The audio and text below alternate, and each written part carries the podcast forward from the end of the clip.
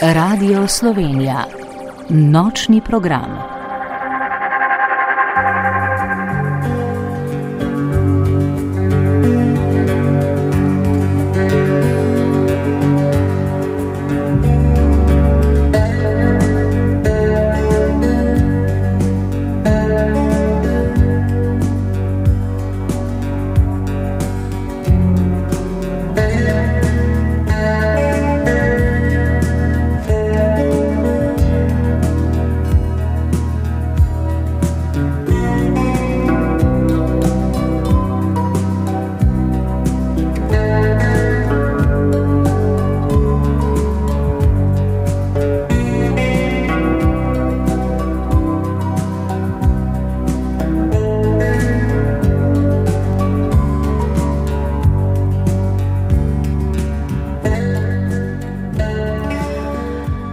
Spoštovane in cenjeni, pred šestimi minutami je napočil 14. november in tudi na radiju smo zapluli v nočne vode. Kot ponavadi ob tem času sledi oddaja Nočni obisk. Po volilni nedelji se bo morda prilegla neka povsem druga tema, univerzalna in vedno optimistična, če seveda menimo, da rek, kdor poje zlo ne misli, ni zgolj mit. No, mi dve z Ani Frece, nocojšnjo gostjo, meniva, da bo ta modrost kar držala. Ani Frece je vsestranska glasbena ustvarjalka, pevka, solistka in tudi v zasedbah, pianistka in organistka, njena največja ljubezen pa so šansoni. In ker je sledila svojemu srcu, je sčasoma nastal njen prvenec Hotel za srečo, ki je tudi ime zasedbe, s katero Ani koncertira. Skladbe iz njenega prvenca sicer radi vrtimo tudi na valovih prvega in da se spomnimo, kako zvenijo, prisluhnimo kar naslovni. Še prej pa povejmo, kdo smo še nocoj so odgovorni za program. Poleg gosti Ani Frece sem v studiu še nočna voditeljica Višnja Fičor, za mešalno mizo je Matic Ferlan, glasbena urednica to noč pa je Aida Kurtovič.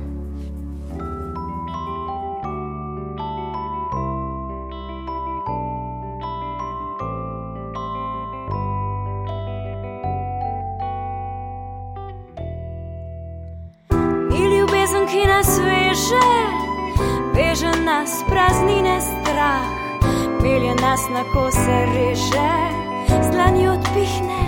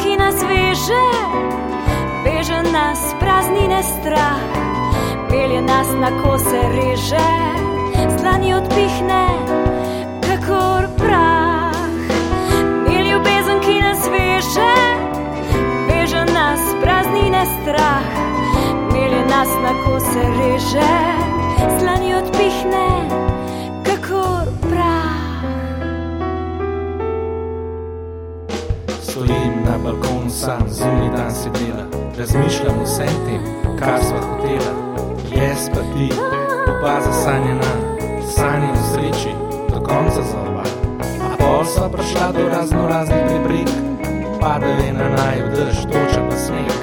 Zbrala sem oči in dala to čist, če vse te preizkušnje, še trše je vis. Ni ljubezen, ki nas veže, veže nas praznine strah, pelje nas na kose reže,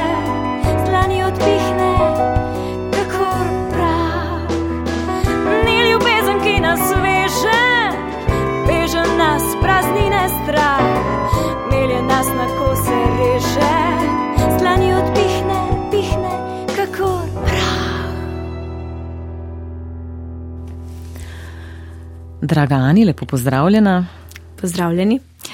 Naj za začetek samo poveva poslušalcem, da se bova tikali, ker se poznava. Ja. Torej, spravkar slišano skladbo si leta 2011 nastopila na našem radiju v okviru festivala slovenskega šansona. Torej, tvoja ljubezen do tega glasbenega žanra traja že vsaj 11 let. Vsaj 11 let, um, ampak zagotovo že več, ampak takrat sem nekako to glasbeno zvrst uh, delila uh, v tej obliki, kot ste jo slišali sedaj, uh, med ljudi. Prav s tem festivalom, ki je pod okriljem prvega. In zelo rada pridem na ta radio, vedno znova, ker mi je to nekako, počutim se zelo domačeno. Tukaj so se začele uresničevati moje želje, te skrite, te že odprej, ki sigurno trajajo že kar od osnovne šole. No. Šanson je bil ena taka ljubezen. Si imela kakšnega vzornika, vzornico? Pa prav vzornika ne. Um, šanson, uh, ne vem zakaj je šanson. Doma smo poslušali sicer slovensko popevko, ki je seveda zelo povezan s šansonom tudi, uh, pa moja mama je tudi prepevala o tem, mogoče še bova kaj več o tem kasneje. Um, ampak sama sem pa nekako brskala po knjižnih policah. Uh, mislim, da je bil Kajtan Kovič, niti se ne spomnim več dobro, kaj je bila tista knjiga. In potem sem jaz te verze um, nekako sproti uglasbila. In posnela doma na kasetofon, potem poslušala, in to so bile neke tudi moje, pravzaprav radijske igre, bi lahko rekla. No. To je bil nek začetek prototip šansona. Torej, hotel za srečo je, to treba razjasniti, ne? to je Ja. ime zasedbe, s katero ti torej pojaš, ne, ostali Tako. člani igrajo in vi uh, imate na repertoarju slovenske popevke, jazz standarde, neke tudi tuje šansone, recimo Edith Piaf sem videla, La Vie en Rose. Ja, um, Imate pa tudi torej avtorsko skladbo, ki pa je zbrana na, tem, na tej zgoščenki, ki prav tako nosi naslov Hotel za srečo po tej skladbi, ki smo jo slišali, s tem, da je sedaj v drugačni obliki, ne, ker z bendom, ki ga imaš sedaj, malček drugače zveni. tako, ja, vse je res, a, zdaj pa počasi, ne, da bo kdo sploh razumel. Uh, ja, Ani Frece in Hotel za srečo je zasedba. Um, takrat, mm, 2011, ko sem se prijavila na ta festival uh, šansona, takrat sem bila samo pod mojim imenom in je bil- bila pač spremljevalna zasedba. In ker se je potem rodil ta uh, šanson, ta uh, meni zelo lepa poezija uh, Tomaža Letnarja, ki je med drugim avtor kar sedmi sklad na mojem prvencu. Um, smo dali ime potem uh, naši zasedbi, mojemu v bistvu kvartetu sedaj. Jazz kvartet lahko rečem, no, ampak v bistvu ena zasedba je ena taka gypsy swing zasedba, uh, ki izhaja res iz zlate dobe, um, bom rekla, bolj pariškega swinga. Čeprav ne igramo mi strogo uh, potem samo te oblike glasbene, uh, ker pri nas je na prvem mestu uh, pomembna vsebina, besedilo. Zato pač tudi lahko rečemo šanson. Potem je pa zelo spretno Marko Mozetič dodal glasbo. Skupaj smo tudi pomagali delati aranžmaje kar direkt, vsekakor se pa on podpiše pod uh, celoto. Zelo res na besedilo, na to, kar je želel že sam letnar povedati, potem je pa še vsak mal drugače začutil. Sigurno Marko je mogoče mal po svoje razumel, um, se ga je mal po svoje dotaknilo vse skupaj. Jaz pa potem kot um, glavna izvajalka, pripovedovalka um, besede, sem pa seveda dodala tudi m, svoj način. Ne. Svojo lastno noto. Tako, ja. Um, ja. In je res tukaj je zelo velik. Um, Ko, ko začneš odstirati in poslušati, je tudi veliko metafor. Tudi vedno znova, ko začnem, ko, še, ko, zda, ko dam zdaj uh, album gor, pa ga um, zavrtim, uh, vedno odkrijem še kako novo stvar, ki se ujema s tem nekim mojim razmišljanjem. Mislim, res ni na prvo žogo zadeva, ima ogromno neke globine, neke vsebine, um, zgodbe. Pa tudi pravzaprav sigurno ne razumem niti vsega, kar je letnar želel povedati, pa niti ni pomembno, jaz sem pač to na, na svoj način razumela, prav tako glasbeniki. Uh, ja, to smo hoteli za srečo, potem, ker se mi zdi en tak uh, zelo zanimiv naslov in da res uh, lahko iz tega naslova potem črpaš, ker to je zdaj zasedba do konca mojega življenja, sem se odločila. Pač zdaj s šansonom sem začne, začela, potem mal kasneje uh, v svojem življenju in s tem prvencem, uh, ampak to je šele začetek. Torej, prvenec ste pa posneli tri leta nazaj. Ne, uh, v bistvu ne, 2021 smo ga posneli. Aha. Bilo je že prej nekaj skladb narejenih, jaz sem se pojavila potem še na festivalu Šansona 2012, eno leto kasneje, pa potem na revijalnem, ker smo bili tudi zbrani s hotelom za srečo med boljše šansone zadnjih teh let, pač to zadnjo obdobje, ko je festival obstajal. Potem se pa nažalost zaključila oziroma za nekaj časa ima zimsko spanje ta festival. Čeprav vsako leto nekje slišim na teh vaših hodnikih, da pa ste nekdo organizira ta festival in resnično upam, da, da bo zopet zaživel, ker je meni to res ljub festival, mogoče celo malce preveč. Um, Um, zapostavljen. Zapostavljen, zagotovo, ja. Ker če primerjam z drugimi festivali, slovenska popevka, pač si se nekako slovenska popevka gledamo nazaj, ta zlata 60, ampak mogoče je to mali zvenelo, no, čist moje mnenje. Koliko pa je bilo na tem festivalu šansonov, recimo, nastopajočih? Ne vem, to zdaj. Veliko ali? Eh, ne vem, jih je bilo deset. Mislim, to pa zdaj res, um, ne vem, na pamet imam sicer doma vse te albume. Ampak to so res izvirna besedila in tudi ta muzika se ni omejevala, res so bile alkantautorske zadeve. Uh, lahko bi kako skladbo dal čist uh, komod, bom rekla, na, na popevko, um, ampak besedila so bila res tukaj kvalitetna, no ali pa ne vem, je kar izvenelo uh, in upam, da še bo, no, ker se bom z veseljem še prijavila. Pa ta besedila, ki jih Tomaš Letnar napiše, potem ti nekako jih prebereš, pa kakšno tudi vržeš, ali so ti vsa všeč na splošno? Ja, um, tako je bilo. V bistvu jaz sem takrat po tem prvem festivalu, um, ko je že to besedilo obstajalo, hotel za srečo sicer ne s tem naslovom, uh, je bilo nekaj drugega, pa sem jaz potem dala v besedilo, je parkrat omenjen hotel in sem jaz potem dala naslov Hotel za srečo. Potem sem pa rekla za naslednje leto, ok, jaz bi imela feministko, ta se tudi kar dost vrti, vem, na vašem radiju. In sem rekla, jaz bi imela točno to, nekje v družbi, kako je zdaj vse, pač enako SML in unisex, poveda, nič ni moško, nič ni žensko. In on je to res mojstrsko naredil, tako da pač jaz tega ne bi znala.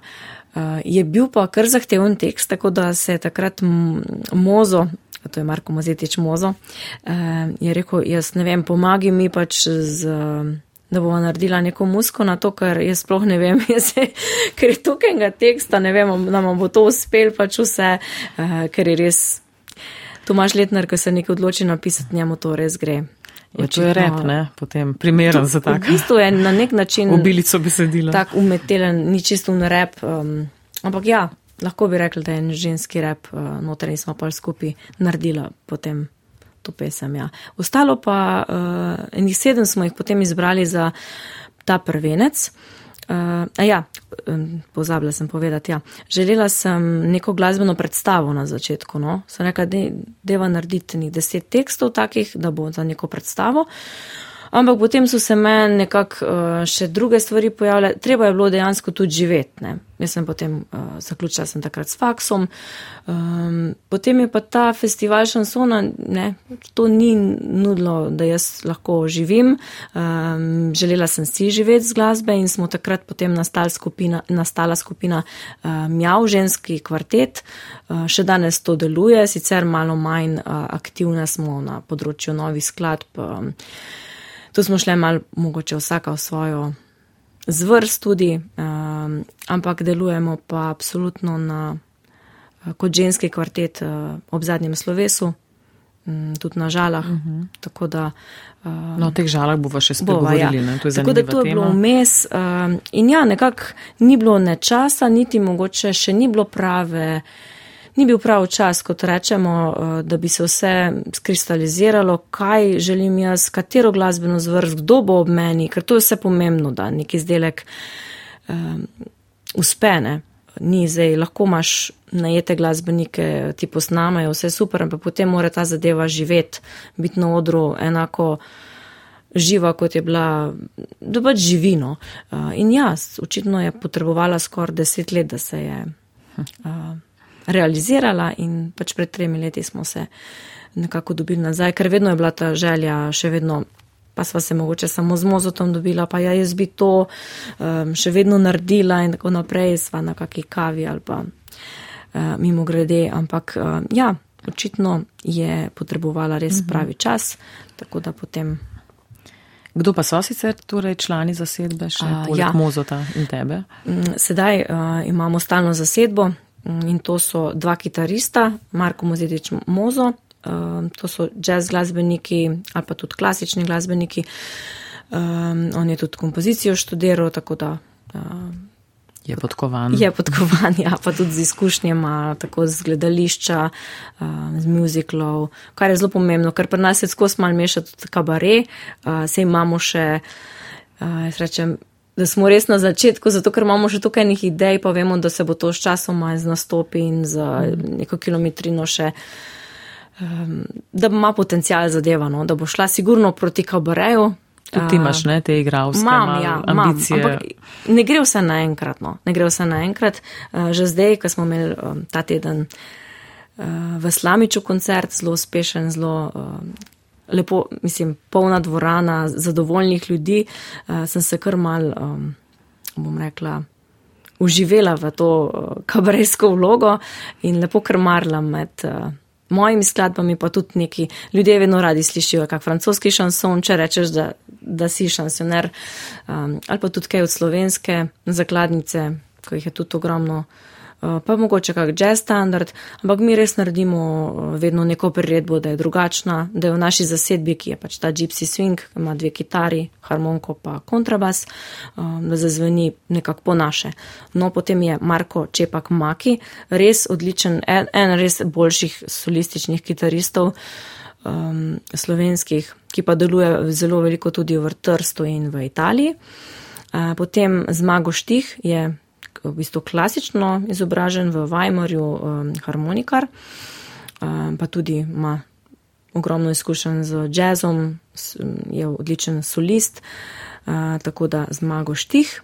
Potem pa še Nikola Matošič, ki je pa tudi nepogreš, nepogrešljiv in uh, vsi, ki pač malo poznajo te jazz kroge, ga bodo tudi poznali še iz kakšne druge skupine, kontrabasist. Mhm. Zdaj za album m, smo imeli tudi še um, Tokavca, pa za kakšne večje nastope, koncerte, ali pa če slučajno kdo ne more od zasedbe, imamo tudi um, še potem substitute. Oziroma ne, Tokavca. Nikoli nismo prav obmenjali enega inštrumenta, no.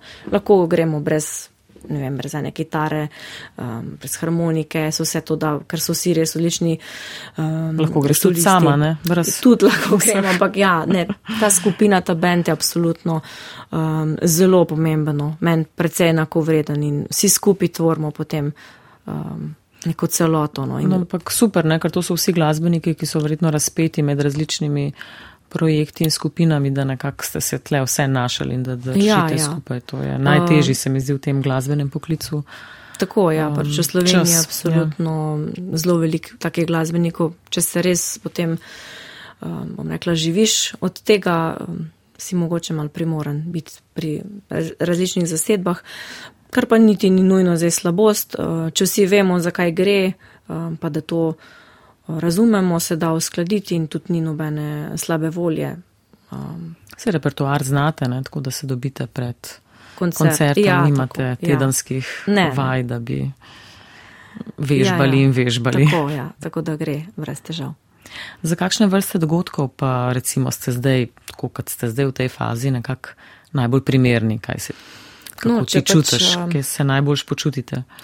Če ljudje poznajo uh, te, mislim, te klubske um, ambijente, kot so recimo ta slamič, ko smo zdaj bili, to, to je res najbolj primeren ambijent, ker je tak um, do sto ljudi nekje, uh, ker jaz imam res rada intimne. Um, Mehne prostore, tudi take, da sem lahko pač dosežem tako publiko, vsakega človeka, tudi zelo rada potem spregovorim z njimi, um, da smo že potem si na pol prijatelji na koncu, ne, da je to neka tvoja publika, uh, ker z enimi smo že.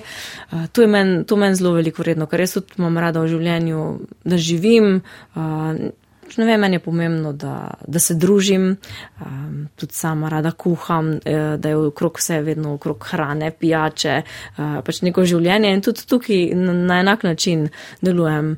Da, če bi mi nekdo ponudil, ne vem, razprodane stožice, pa ne vem, kakšne te velike dogodke, mislim, niti ne, mi ne pašati, ja, ta stvar, no, tam bi že bolj mogel biti orkester, pa uh, si ne rečem, ja, da enkrat v življenju to um, živiš, ampak absolutno sem za te manjše stvari. Uh, mogoče res, da lahko nek kabarejski ta žanr eh, malo bolj zaživi, pa tu, da so še mize zraven, da lahko ljudje tudi kaj popijajo, hkrati pa, da so to eh, ljudje, ki pač so kulturni, da, da ni to zdaj potem en razvrat noter, pa da same klepetajo, ker se to, da tam um, piješ zraven deci vinčka ali pa čaj, ne vem, karkoli, še ne pomeni, da, da je zdaj nekulturno to. Ne. Um, ampak vse odvisno od same ja, ja. kulture ja. pač poslušalcev. Ne. To pa še k temu kabaraju. Ne, tako, tako tudi, ja.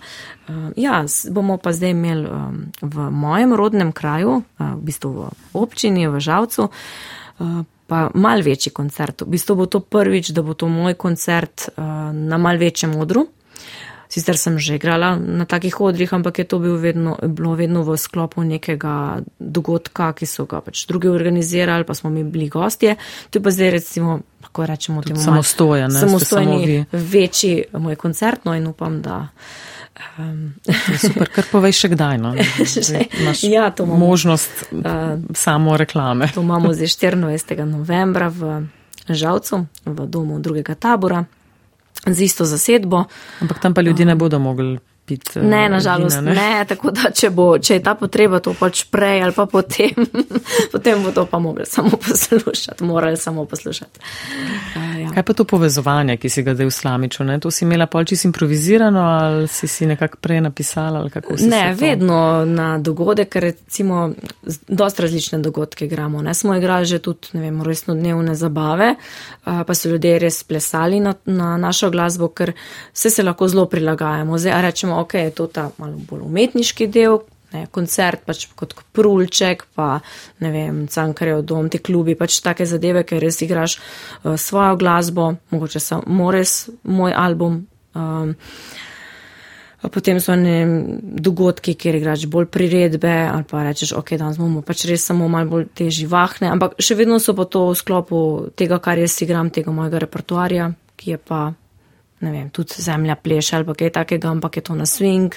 Uh, imamo nekaj prired, ki so mogoče res drugače popevke, pa jih mi res tok um, zaranžiramo, da izpadejo.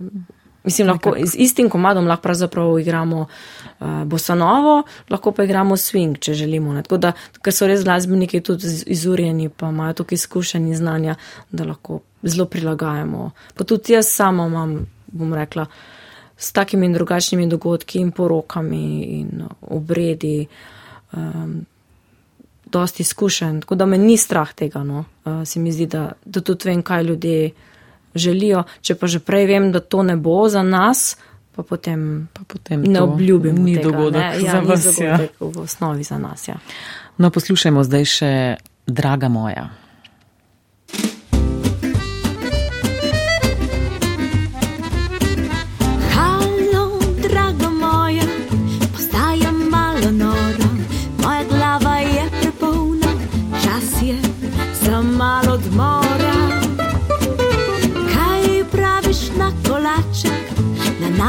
Čist lokalček, zame kavica, zate pa čajček. In ta svet se še naprej tako vrti kot prej, a vrtenju galaksij spet vidim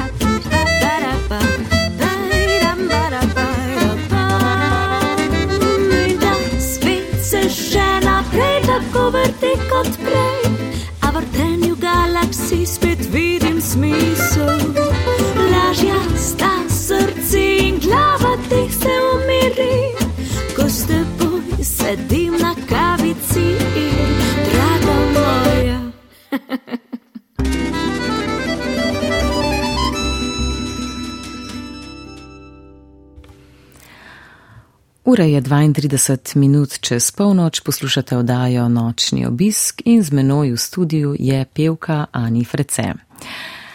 Ani, pogovarjava se o tvojem albumu in tvoji zasedbi Hotel za srečo. Torej, album ste posneli med pandemijo in to takrat si ti že imela, si bila mlada mamica, ne? že z dvema majhnima punčkama, če prav Z vem. eno. A z eno, takrat si bila še z tako, eno. Med eno je to bilo, ja. mislim. um, ja. Uh, ko sem, mi smo nekako začeli uh, s tem projektom, z to zasedbo, hm, kaj pa vem, 2018, tam nekje smo se pač zbrali prav ta zasedba, uh, pa smo potem začeli igrati uh, najprej pač te moje skladbe, ki so bile že do, do takrat uh, uglasbene. Uh, potem smo pa rekli, noč, prva stvar je, da naredimo uh, album, da naredimo nek projekt in smo ga tudi želeli ne kot single izdajati, ker je, kot je zdaj v navadi, ampak res po starem uh, projekt, pa tudi če zdaj mm, res malo kdo posluša, uh, sploh CD-je, um, sej še vedno lahko daš potem skladbe na splet, pa na vse te spletne platforme, kar smo jih tudi dali. Ampak bistvo nam je bilo, da je to nek projekt zaključen, ker se ga lotiš čist drugače kot pa, ok, danes bi to skladbo, jutri bi to, ampak je to res ima neko rdečo nit vse skupaj. No. Uh, tako da smo se potem, uh, jaz sem bila že noseča, smo se potem odločili, ok, mislim, da bo čas takrat, ko bom jaz rodila, pa potem fantje že začnejo prej vaditi, jaz se jim potem pridružim, pa posnamemo skupaj.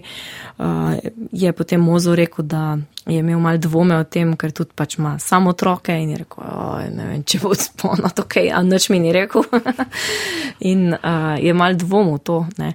Ampak je bila sreča tudi to, mislim, sreča ali pa nesreča, ampak za nas je blano, uh, ker moj mož uh, ima sicer turistič, turistično agencijo uh, in zaradi pandemije vsega skupaj se je pri njemu zadeva čisto stavila in potem je lahko res bil mm, v oporu, se podpirame v vsakem primeru, ampak je bil res doma tudi in sem potem lahko uh -huh. med prvo porodniško, tam nekje pri štirih mesecih, je bila hčerka stara štiri, tam nekje, um, smo šli v Novo Gorico, um, smo najeli dvorano v glasbeni šoli, ker ima tudi studio. Um, in smo tam en vikend snemali, uh, tako da smo bili pač cela družina tudi tam in v vse čas vmes smo pač, sem jaz lahko bila s hčerko, sicer je bil mož. Um, potem smo to posneli, um, potem še album, pa potem nekje pol leta je vse skupaj potem trajalo, da je prišlo do um, prvega koncerta, potem smo tudi album. Kje pa ste imeli predstavitev albuma? Uh, pa nismo rekli, da je to uradna predstavitev. Mislim, da je bil Prulček prvi tak koncert, no, da smo igrali resnično samo svojo uh, glasbo. Um, ja, po Ljubljani bolj kot eno. Drugač pa vse drugi koncerti so bili pa še mogoče. Že leto predtem smo imeli, um, smo celo sepeta, sepetove šansone, ki je bila 90-letnica njegova. Da že preden smo imeli pač skladbe, za, tok skladb za svoj koncert smo že tudi nastopali s to zasedbo, ne, pač z drugimi priredbami. Se pravi, ampak pravzaprav sta pa vidva oba dva z možem v takih panogah, da vaju je pandemija pravzaprav zelo prizadela, kar se tiče dela konkretnega. Ne? No, ja, da super, ja. ne, zdaj, da ste to izkoristili za ta album, pa da je on lahko pomagal, ampak res pevka in turistični vodič, mm. ne, to se ne sliši zelo ja. obetavno, kar se tiče finančnega vidika. Uh, res je, uh, zato pa potem uh, midva sva se želela takrat poročiti, je potem tudi ta poroka, ki so si jo midva zamislila, odpadla, ker bi bila ravno takrat maja. Uh, potem sva se marca tri dni pred um, razglasitvijo, da je pač uh mhm. -huh. epidemija, yeah. Ja. Ja, sva se poročila v tem kartule na. Uh -huh. uh, bolj, na, bolj na hiter. Ja, ker so rekla, noč mi, da bo to zdaj naredila, ker se zdi, da mogoče pa bo se skupaj se malo zaprli in se res je. Uh, no, potem sem pa jaz celo uh, zanosla, vse pod predpisi, zaporočene, tako naprej. Sem malo pohecam. Uh, ja, vse. Uh, in potem je nekako bilo za naj v bistvu čisto v redu, da se je tako išlo, zato ker uh, jaz bi potem decembra ne rodila in ne, kot glasbenica. Se ži, res živim od glasbe, bi vsak rekel, pa dobro, kaj si ti zračunala decembr, ko je najbolj za glasbo, ampak uh, meni ni nobeno stop uh, odpadov zaradi porodniške, ampak mm -hmm, tako odpadlo ja, ja. vse zaradi ja, zelo, zelo dobro si COVID-a. Planirala. Tako, ne, jaz moram reči, da imam kar srečo v življenju, no, zdaj, ali kaj se temu reče. uh, ja. Ampak se pravi, tvoj mož je pa potem odprl to kavarno, ne, neko potojočo. Je to ja, v pandemiji ja. se zgodilo? Ja, se je, ja. Mogoče ker, um, lahko omeniva, ker uh -huh. je mhm. zanimivo na tržnici. Um, ja, in pol leta pač ni, um, potem je on zaprl to svoje, on je um, že od svojega, mislim, da v študentskih let, ko je študiral kitajščino, um, je potem deloval v bistvu v tej jugovzhodni Aziji, Kitajska pa potem Tajska pa tudi Indonezija uh, in je vozil te skupine, da je bil pol leta vedno tam, uh, ta del um, zime v Sloveniji, no, da je bil tam. Um, in vo, vodu pač slovence, um, tja, Eh, potem pa se je to pač končalo že, v bistvu njemu se je že prečasno končalo, ker se je tam pojavila, že, že COVID se je že tam pojavil, potem še je prišel sem, eh, da on res ni imel kaj tukaj započeti. Eh, tudi te ture, ki jih je imel pa tukaj z, s kolegom, z eno drugo agencijo. Uh, jaz si lahko povem, ne, on ima pač deseti brat, če je ja, ja, Roman Križanič, uh, tako da take uh, bolj popotniške variante uh, To so pa bolj tako tudi trekkingi. Pa, pa niti ne nujno, mm. tudi če, ampak ne, ne, ne. Um, ampak bolj, uh, bolj butično vse skupino, bolj blizu majhnim skupinam, uh, se prilagajajo tudi, uh, ni to, vem, velika agencija, ne, v smislu, da. Uh, butično. No. Uh -huh, uh -huh. Uh, ja. no, in potem tukaj se ni dal noč početi, tudi poleti ne. Uh, potem sta pa s tem drugim kolegom, ki pa je druga agencija, Trek Trek, uh, sta pa potem odprla um, tri Marije. Premična kavarnica, to je bilo v bistvu pa od tega kolega že želja dolg časa prej, se to speciality coffee z to posebno boljšo kavo baviti, ne, ampak seveda v obilici dela to nekako verjetno ni prišlo na vrsto, mm. potem pa pač en razlog je bil ta, da. Ja, tržnice so bile odprte, ne? In so potem imajo zdaj eno uh, to. Um, No, kiosk. ja, premično kavarno, v bistvu je to predelana. Um, Spomne se besedo. No. Dela na prikolici. Prikolica, ja. ja. Na tržnici, tako da je tam vse čas, zdaj ima pa še eno, ki pa lahko gre na dogodke. Mhm, Sem jo videla tudi na žalah za prvo. Ja, novembra, tako, na ne. kakšne Ja. dogodke, kjer pač potrebujejo take zadeve, kjer kavica, pa se ni samo kava, imajo tudi um, še kaj drugega. No. Odkot pa to ime Tri Marije? To so se mu pokazale Tri Marije. Ja, eh, tri Marije se ti prikažejo, ko spiješ dobro kavo. Ali pa ko moraš plačati, ne vem, zdaj čisto točno. Tako- slovensko ime ne. za ameriške turiste, ki so tukaj, oziroma za tujce, no, ki pridejo v Slovenijo, eh, potem eno tako pravo slovensko ime. Ja, ja, ne moram reči, da se mi zdi, da sta si kar dober um, tak imič naredila no, s temi tremi Marijami. Ja. Tudi skoraj vedno, ko grem mimo, kar precej ljudi se mi zdi tam nekako.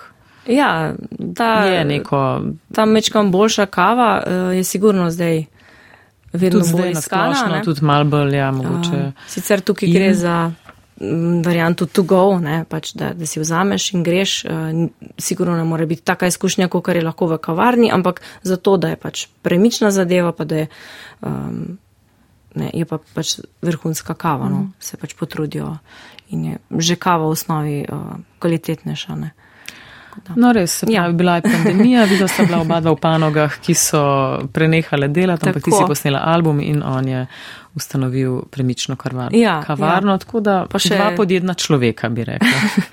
Ja, sej. Um, In tudi ne, potem pa ne smeva pozabiti še ene uh, tvoje panoge, ki pa med epidemijo ni popolnoma zamrla, čeprav za nekaj časa tudi ja, je. ne. tudi ta panoga je, ta. je zamrla za nekaj časa, ampak. Um, Ampak ne za vas ta čas, ne pa spet. Ne za vas, ja, se je dal, se je dal potem. Pa še to državno pomočjo, no, ker smo jo takrat pač dejansko si koristili.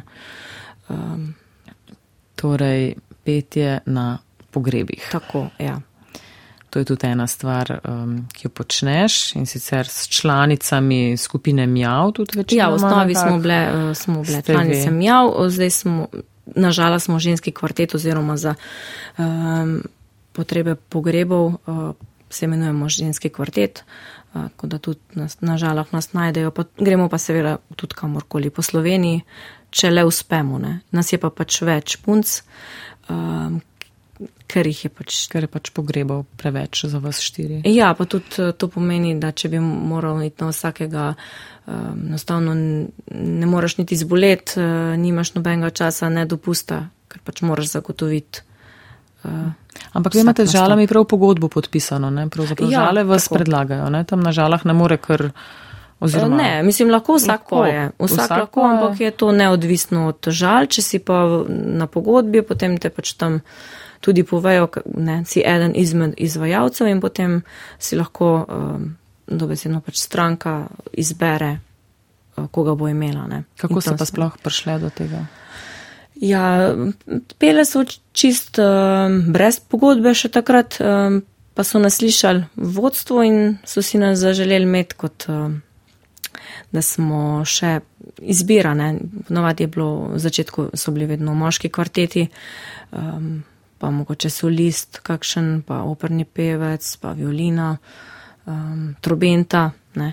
Uh, Pevke smo pa v bistvu bile mi prve v Sloveniji, da smo kot pevke bile. Na začetku smo imeli tudi uh, precej uh, neodobravanja, začuden, oh, ko je pač zdaj ženske na pogrebih pela, ne pač to ni. To ni neka Revolucionarno ste Tako, to. v bistvu smo res bler. Ne? Eh, Ker danes je to že, zdaj že deset let, pravzaprav to delamo. Mislim, ne vem, kako se je to obrnilo, ampak ja, zdaj pa smo pa že precej poznane v teh krogih, no in A, že deset let nihče več uh, ne čudi. In nažalost smo manj, uh -huh. manj časa. Ampak ja, nasplošno pa ne. Smo začeli najprej v tem našem koncu, Savinskem, pa dol Krško smo bile precej poznane. Uh, tja smo kar skoraj vsak dan potem šle. Ne? Mi smo uh -huh. z malimi koraki začeli, ampak um, lepo toliko časa nekako- smo pele, da potem. Um, ste se nekaj tudi infiltrirale v te. Ja, in, uh, ja, rade to počnemo. No. Jaz sicer sem zdaj uradno še na prodniški, pa grem kdaj pet, če ne. Slučajno se zgodi, da kdaj koga ni, pa je treba zagotoviti. Pa, Pa se mal po, ja, ampak potrudiš. drugače ne. pa um, trenutno. Ampak to je ogromno enega repertoarja, ne, ki ga imate. Ja, ja.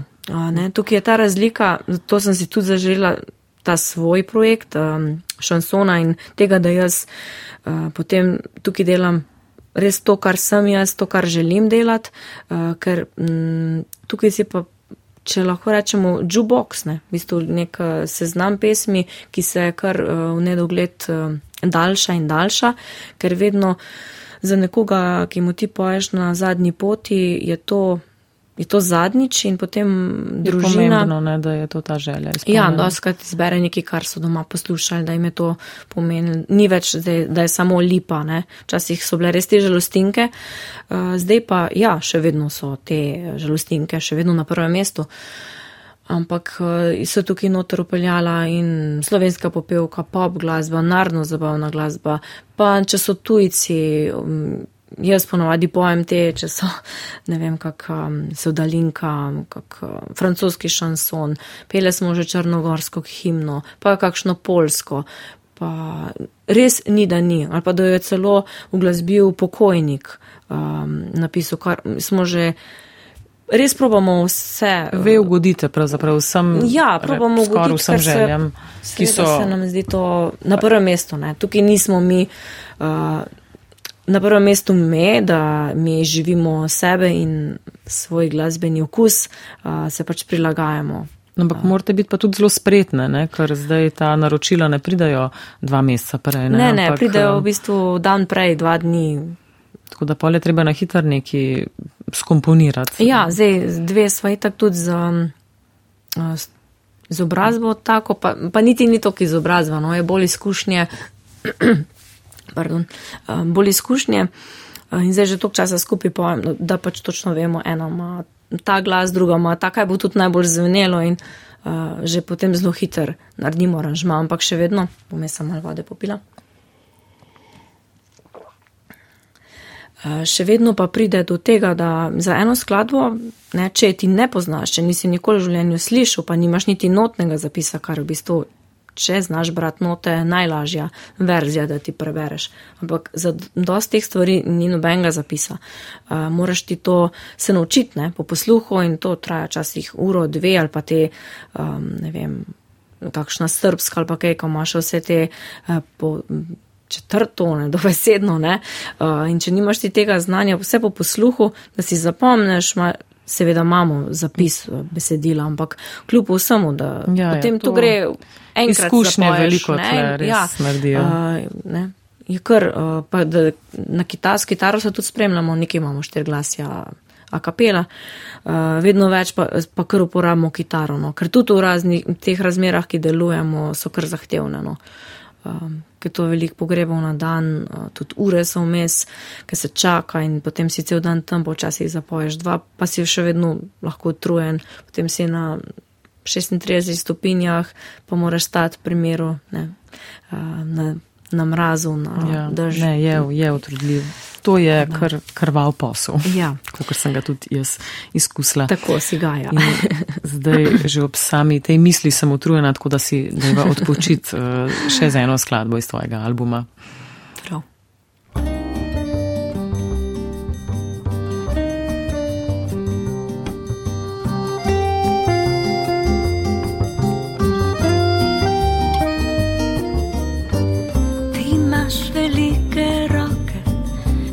Dihaš mi v zrak, da mi umira fikus in mi sili noge v zrak.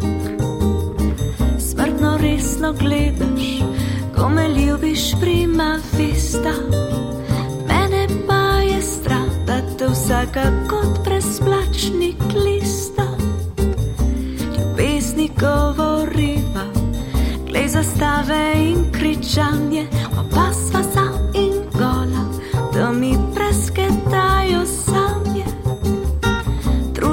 skleneva v oboju, narediva otroka zanje, za lepši svet, za dobo kruh in demokracijo.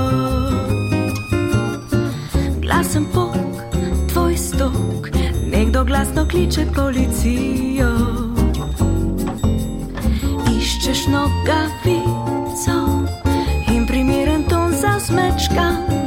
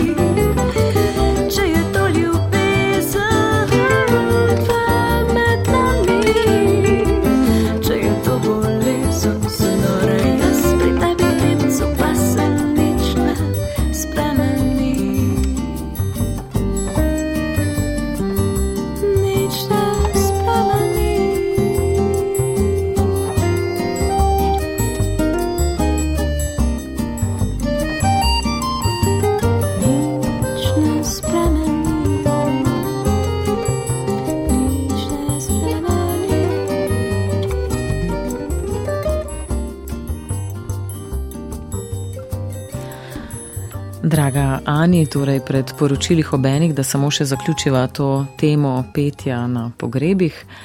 Um, kaj pa te kdaj kdo vpraša, če ti je hudo, če te stiska pri srcu, kako se počutiš pravzaprav ob tem? Ljudje si prav ne predstavljajo, ne? Mislim, kdo, ko nas vpraša, kako je peti na pogrebih, eh, najprej reče, pa to zna biti zelo hodone.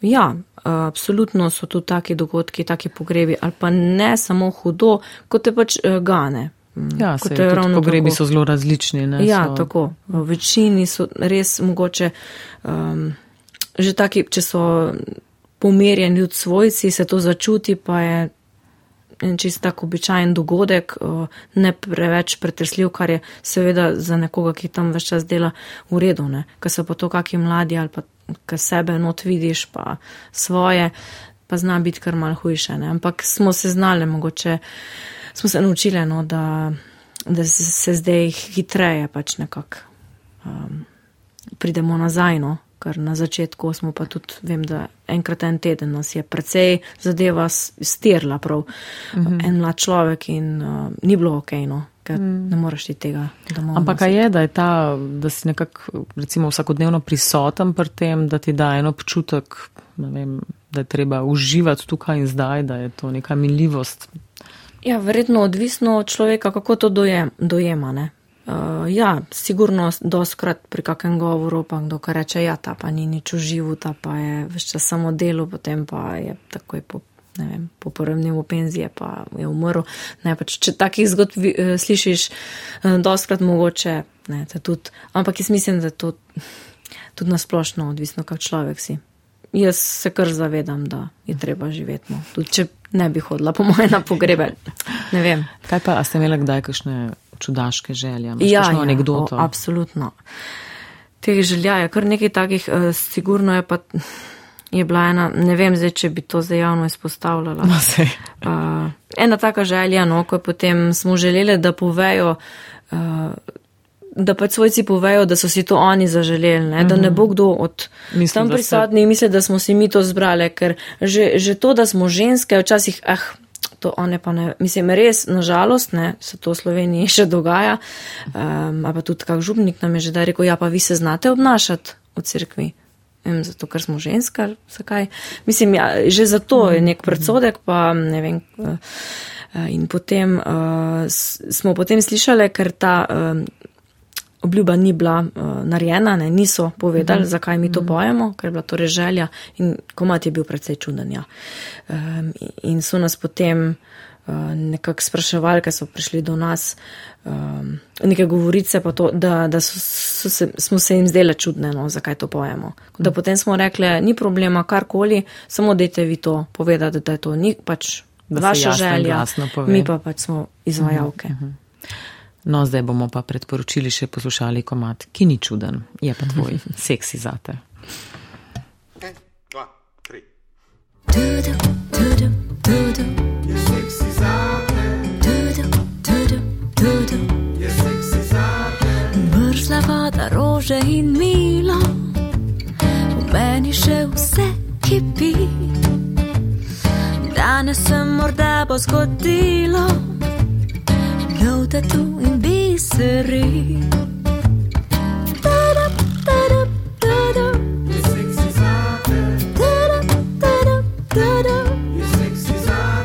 Veter mi že dviga krilo, rdeče češnje mlada kri. Sonce trave je pozlatilo, legla bova jaz in ti.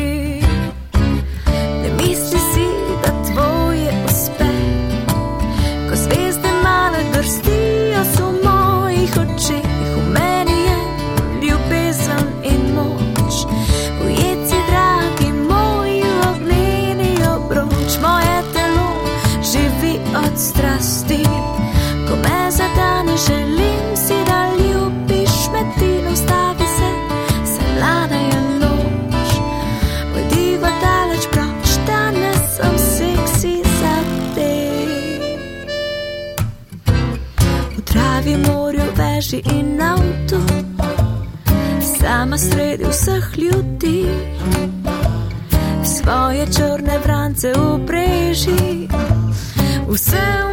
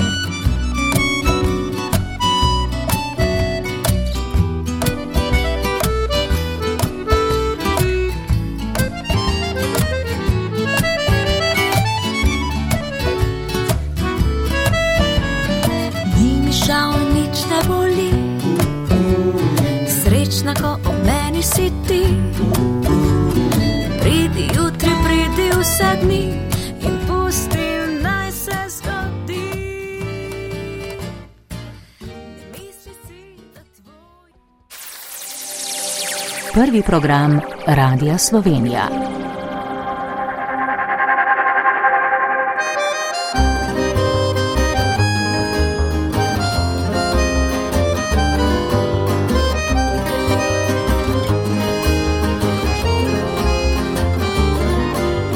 Danes sem na robu joka in čez miro krepenenja po življenju po ljubezni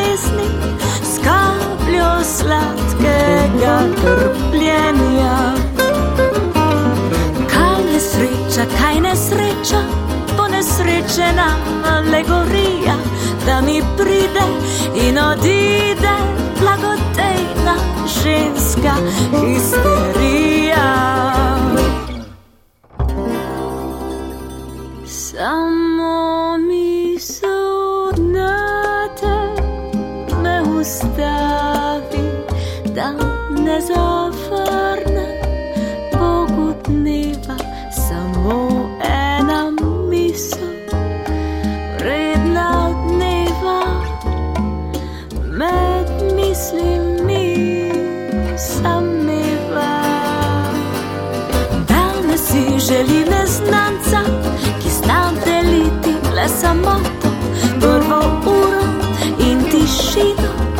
brez upa polniti praznino. Danes jutri že mineva, zjutraj pa še večnost mine, od dodajok napet kot lok,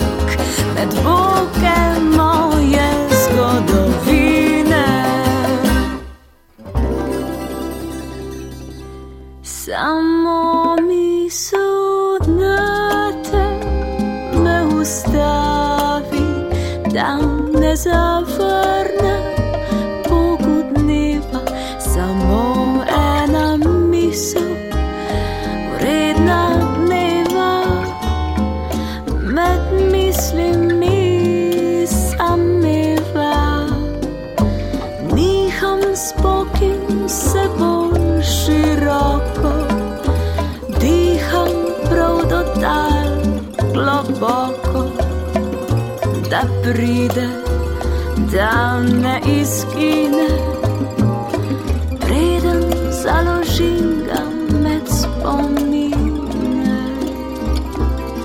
Samo misel na te me ustavi, da ne zavrne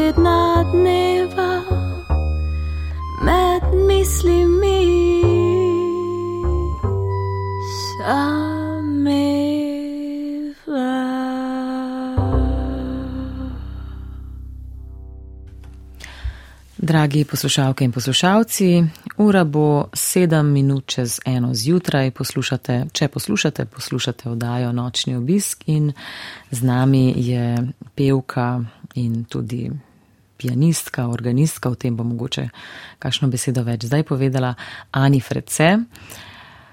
Uh, Prvo uro sva kar precej povedali o njenem projektu Hotel za srečo, to je njena zasedba in tudi naslov prvenca, ter o ostalih pevskih dejavnostih, kot je naprimer petje na pogrebih. Ani, kako je sploh petje prišlo do tebe? Nekaj malega si že omenila, da si rojena v glasbeni družini, pa mogoče še kakšno besedo več. Uh, ja, res sem rojena ne samo v družini, ampak tudi uh, širša, um, pač kolikor nas je, uh, sorodstvo, smo vsi nekako povezani z glasbo. Uh, zdaj, velika večina tudi kar na profesionalnem nivoju, uh, sicer bolj nekako v, ali v narodno-zabavnem ali v popularnem kla, ja, kla, klasike, prav da bi bil kdo izučen v klasičnem, bolj so, so vsi samouki, ampak um, z izvrstnim glasbenim uh, posluhom vsi, uh, se pač takrat so bili drugi časi, pa tudi ni bilo neke možnosti.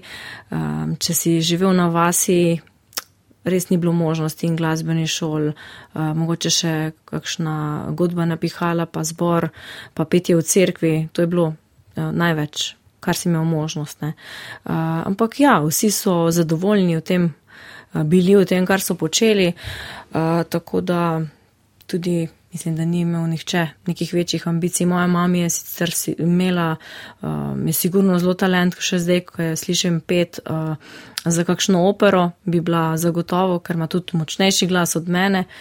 Um, ampak. Um, Ja, pač ni to prišlo do nje, uh, sicer doma kar pojeno, da skrat kar sama od sebe ali pa žvižika ali pa vedno si nekaj popeva. Uh, ja, uh, od mehkega že tudi ona je bila na odru, uh, takrat na slovenski, ni bila prav na slovenski popevki, ampak se je pa s tisto gardo, bomo rekla po domače, ki je takrat uh, sepe in tako naprej s tem orkestrom uh, neki celo sodelovala uh, po državah eh, takratne Jugoslavije. Eh, potem je pa hitro spoznala mojega očeta, ki pa je imel um, en narodno zabavni ansambl, potem sta skupaj v bistvu ustanovila, no pa še z njegovim bratom Savinskih sedem, ki je bil pa takrat uh, tudi zelo dober in zelo. Um, kvaliteten, popularen uh, ansambl, uh, ne samo v Sloveniji, ampak predvsem v tujini. No. Uh, To sta pa najbrž veliko potovala. Eh, sta, ampak spet ni bilo tega tok, da bi uh, sem imela omo in deda, pri katerih sem, smo tudi živeli. Uh, ja, je šlo za kakšne krajše uh, odhode od doma, um, ampak ja, ni bilo pa spet tega, da bi bilo ne vem, ja, ja, par mesecev mm -hmm. in da bi bila jaz vse čas sama. Ampak se je pa pela v vaši družini. Zelo veliko, ja. Veliko, veliko tudi, ljudskih tudi pesmi. Tako, od ljudskih. To, uh, več glas je vsak, ki je prišel na nov družino, kot mehen otrok, je že takoj pel zelo hitro, drugi glas, tretji glas. To, to smo se res naučili znotraj, ne, ta harmonija, čist. Pa, uh mhm. -huh. In to ti pride pa v uho, ne? Pa ja. vedno nekako takoj lahko. Ja, imaš postavljeno nekaj. Zaznaš ta drugi, tretji glas, ki bi Tako, lahko ja. bil. Ja, in pol smo tudi poslušali uh, in šanson in jazz, moja mama me je absolutno navdušila na slovensko popevko, ker ona je to poslušala. Ona sploh ni drugega poslušala. Um, in me je navdušila nad tem. Mogoče res tako ne živeti tisto, kar ni ona izživela, mogoče ker so ji te pesmi bile ljube, uh, pa potem ni. Da, da mogoče zdaj jaz naprej, ne? nova generacija. pa hodi na tvoje koncerte, če so, uh, ja, če ja, so in nekako. Posluša, dostopni. predvsem zelo rada uh, intervjuje posluša, vse kar vam na radiju želi, da. A, a zdaj le posluša? To verjetno ne, ne vem, razen če sta se odločila z uh, očetom, da bo ta bedela, ampak vse, da to res ni treba, no, ker. je malo huda, ne? Ja. Uh, ja, tudi vsi ostali, no, tudi mam in brat in njegovi otroci uh, sta en in se, se je z rokom bavil. Pač res imajo posluhno. Da. Nastopila si na kar nekaj festivalih, ne? pa tudi na, te, na popevki si ja, tudi nastopila. To sem zasedbo Morja in Sonca. Smo imeli tudi z mojim komadom, pa še kolegica Jasmina je napisala, sva skupaj si deliva besedilo. Uh, jaz sem še glasbo, tako da je to je tak moment, ko sem z orkestrom. To je bila sigurno ena moja otroška želja, no, da nastopam na popevki. Um, in sem jo uresničila. Tako da zdaj niti nimam več takih, da bi rekla, nikoli, ko me sprašujejo, a bi si želiš biti na EMI, pa nekim eurovizijski zmagovalec. V bistvu niti ne. No. Jaz sem se tako našla v tem šansonu, uh, se mi zdi to čist druga publika. Um, no, čeprav tudi s tem bi lahko šla. Ne, lahko bi šla. Se pravim, če bi zdaj našla uh, neko skladbo, ki, ki se mi zdi, da bo za ta festival uh, zanimiva tudi, uh, pa bolj kot bolj kot hec, ok, zakaj pa ne, gremo. Uh, ni mi pa to zdaj tisto nujno življensko pomembno, da doživim v svojem življenju, ne, uh, kot da mi je to izziv. Ne. Mhm. Sem enkrat bila in uh, mi je lepo, ampak ja, to je to, zdaj pa. Gremo naprej. torej, katere zasedbe in projekte bi še izpostavila v svojem življenju, ki so bili nekako pomembni za Torej, mjav smo že rekli. Uh, ja, Aj, mogoče še kaj, kar so pozabili. Uh, sigurno je bilo veliko projektov, sodelovanj, takih in drugačnih. Zdaj, zelo lepo je z orkestri nastopati, no, to je pač sigurno tudi uh, eno od teh uh, popevka. Uh, pa zelo rada sem z raznimi uh, pihalnimi orkestri, godbami. Kot solistka. Uh, kot solistka nastopala, ja. Um, Ja, mislim, da, da, da, da, da še prihaja čas za mene, no, da smo v bistvu na začetku te moje poti, ki jo čutim kot, da je res moja, da se lahko jaz izživim, da sem to, kar sem, uh, se vsako leto z vsakim novim projektom še bolj odstira. Um, ja, to, kar sem jaz in kar želim skozi glasbo, skozi uh, odeski nastop pokazati. Uh, imela sem tudi željo, seveda, biti v na kakšni gledališki predstavi. Gledališki predstavi sem v bistvu oblano, pravzaprav v opereti. Da bi pa bila v kakšni operi, vsaj v zboru, ne, ker pač solistka ne bom, um, sem imela te ambicije, mislim, ljubezen do opere, ampak ne moreš potem vse za neko stvar, se moraš odločiti, ne gre pač vse. Uh, in, uh, Ampak klasično petje si se tudi učila. Ja, ja, imam nižjo glasbeno tudi zato, uh, pa potem še mal več let, ker niti nisem, ne, nimam zdaj izobrazbe uh, papirja, niti ni to bistveno, ampak sem, ja, se, ampak sem pre, mal premal dobila, no, tudi na faksu sem mislila, da bom takrat kot uh, izbrani drugi predmet petje. Mhm. Ker si več, glasbeno no. pedagogika. Tako, ne, ja, ampak študirala. Sem se mogla kar sama potem nekako znajti.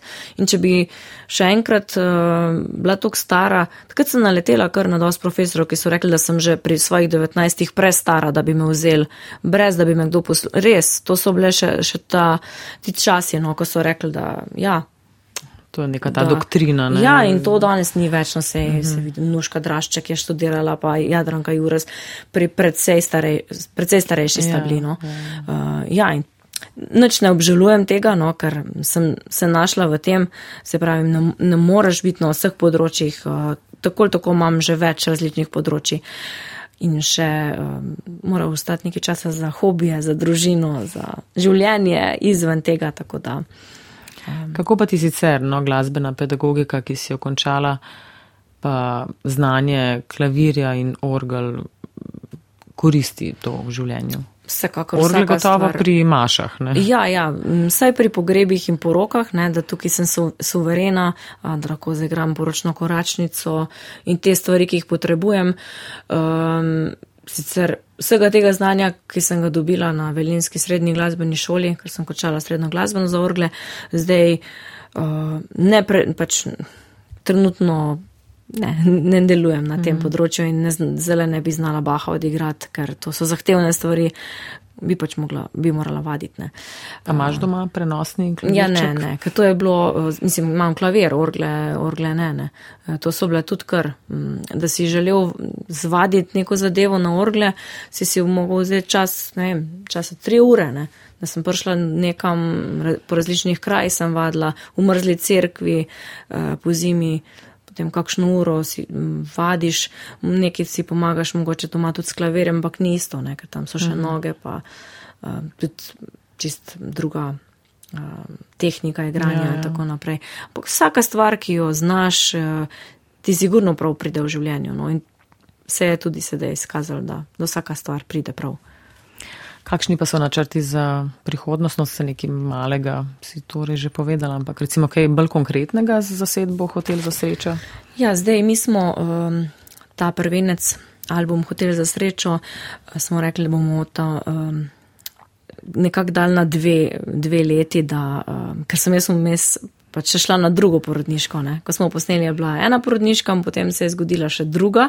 Uh, vse vmes in smo uh, seveda temu primerno prilagajali. Um, promocije koncertov, uh, gostovanja in tako naprej in uh, nismo vzeli vsega, kar bi sicer mogoče, če pač ne bi bilo tako stanje.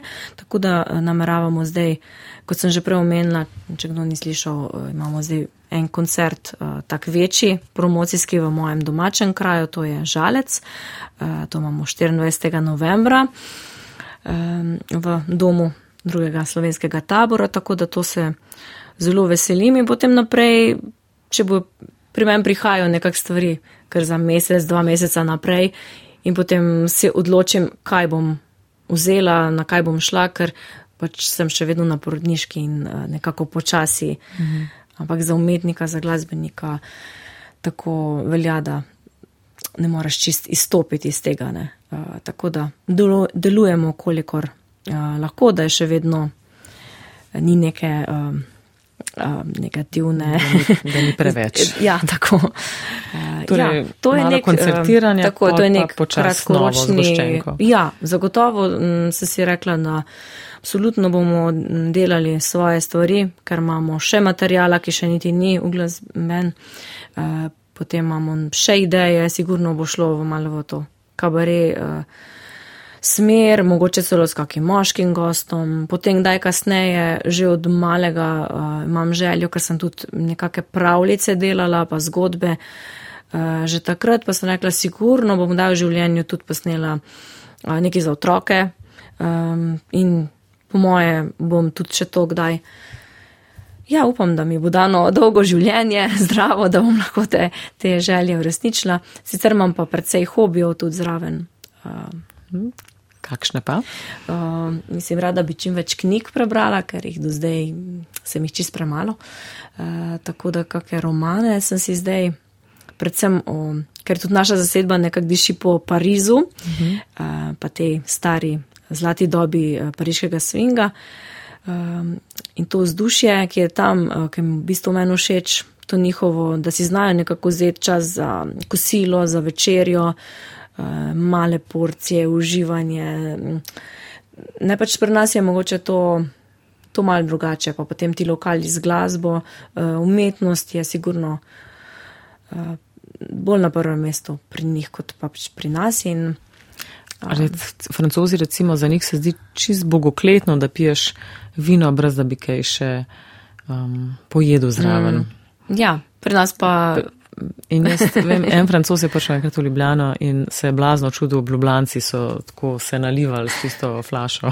Ja, ne, Samo pač zdaj nekak, čist. Mogoče so se zdaj časi še spre, že spremenili, Ja. ampak uh, pred taka 20 leti se je ja, en ja. mladi francos temu čudil.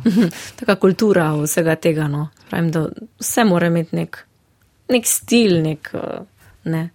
Um, Torej knjige, ja. Potem francoščina tudi, no, ker jaz sem Aha, dolgo, jezik. dolgo časa, me je bilo kar strah, pet francoske šansone, um, pa sem se jih izogibala, ker pač nisem um, ne študirala, nikoli nisem se proučila jezika. Potem sem šla na nek tečaj, no, v ta francoski inštitut.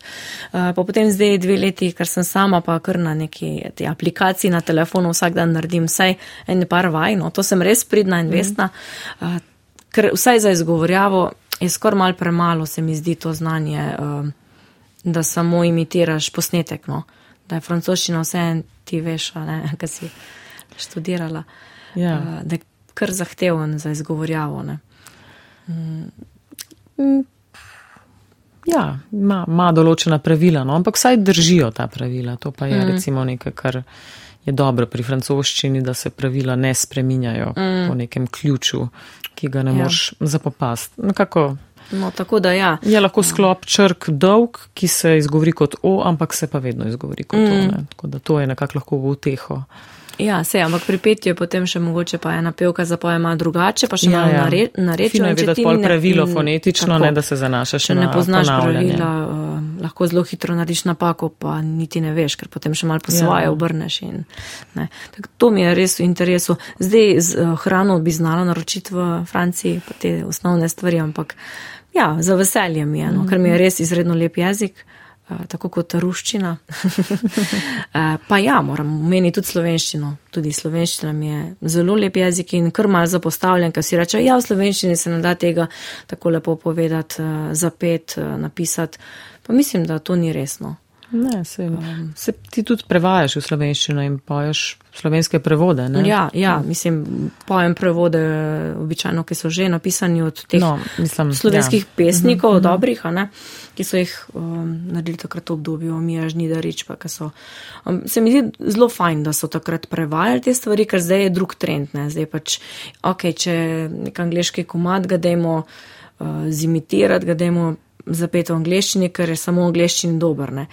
Mogoče res, ampak če nekdo, ki zna prevesti, pa ne, ne prevede uh, direktno, ne, um, lahko tudi mm -hmm. izpade dobro, pa potem vsi razumejo in uh, sigurno boš zapel boljše v svojem materinem jeziku. Ne, kot pa Pa tudi se mi zdi, da se je trend zdaj spet malo Ja, obrnil se proti je, ja, temu, da se je. nekako se poje v slovenščini, da je to bolj cenjeno, recimo, mm. kot je bilo. Čeprav nek francoski šanson se mi pa zdi, da enostavno Je izpade. bilo pa težko, ja. Pa ne, strinjam. obstajajo, ampak mm da, da obstaja pa, da je pa Ja, dobro. obstajajo, ja. Da je pa dobro, če zapoješ v francoščini, ker je pa res, res poseben jezik in te nekako s tem jezikom uh, na neko pot v Francijo, v Pariz, vsak je bil tam, mogoče res uh, potem začuti potem ta Ja. utrip drugače, kot če prevedeš skladbo. Ne. Tako da ja. To uh, rada kuham. Um, rada bi čim več tudi za družino. Zdaj je to res, zdaj, zdaj se, mi, zdi- se mi zdi, da sem menza, ne, za eno, ki še ne je uh, vse hrane, moram posebej kuhati, za drugo se prilagajam, kaj bo jedla ne, in tukaj mogoče zdaj uh, ta moja želja po nekem novem in uh, Ampak imaš kulinariki, mhm. Imaš moža gurmana, ne? Ja, Če- ja, čeprav- je, je, je. Rad je, kar kuham, eh, kar je super. Eh, Bi bilo sicer mm, zelo fino, če bi še on več kuhal, ampak pravi, da, da to prepušča meni. Ja. Tako da ja, kuhanje, pa potem, da povabiš prijatelje in so ob neki dobri buteljki.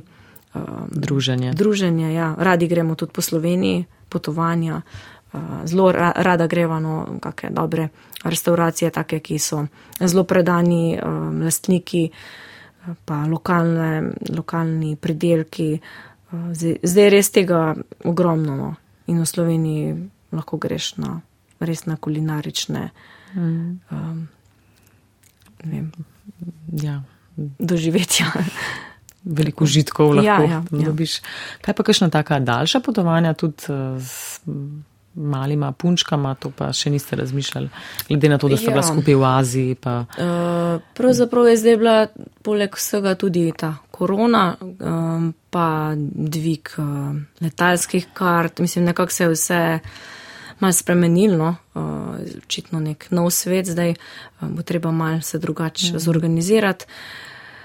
Ja, um, imamo namen, seveda imamo namen iti, uh, ampak trenutno je tako, da res, ne vem, tudi če gremo na kakršen koli izlet ali pa jesti v gostilno, uh, kamorkoli, v bistvu zdaj samo laufamo za otroki in ne vem, Veš, bo še treba malo počakati. bi bilo mogoče. še mal prenaporno, glede na finančni vložek. verjetno. Ja, ker nimaš potem od tega toliko, kar vložiš. Bomo videli, če, če bi bilo še kako varstvo zraven, uh, ne povabimo kako babico, koga, uh, potem bi bilo lažje. Ja, uh, ja sej, leto tako hitro mine, da mislim, da dve leti okrog pa bomo že na Ja. kakšnem letalu.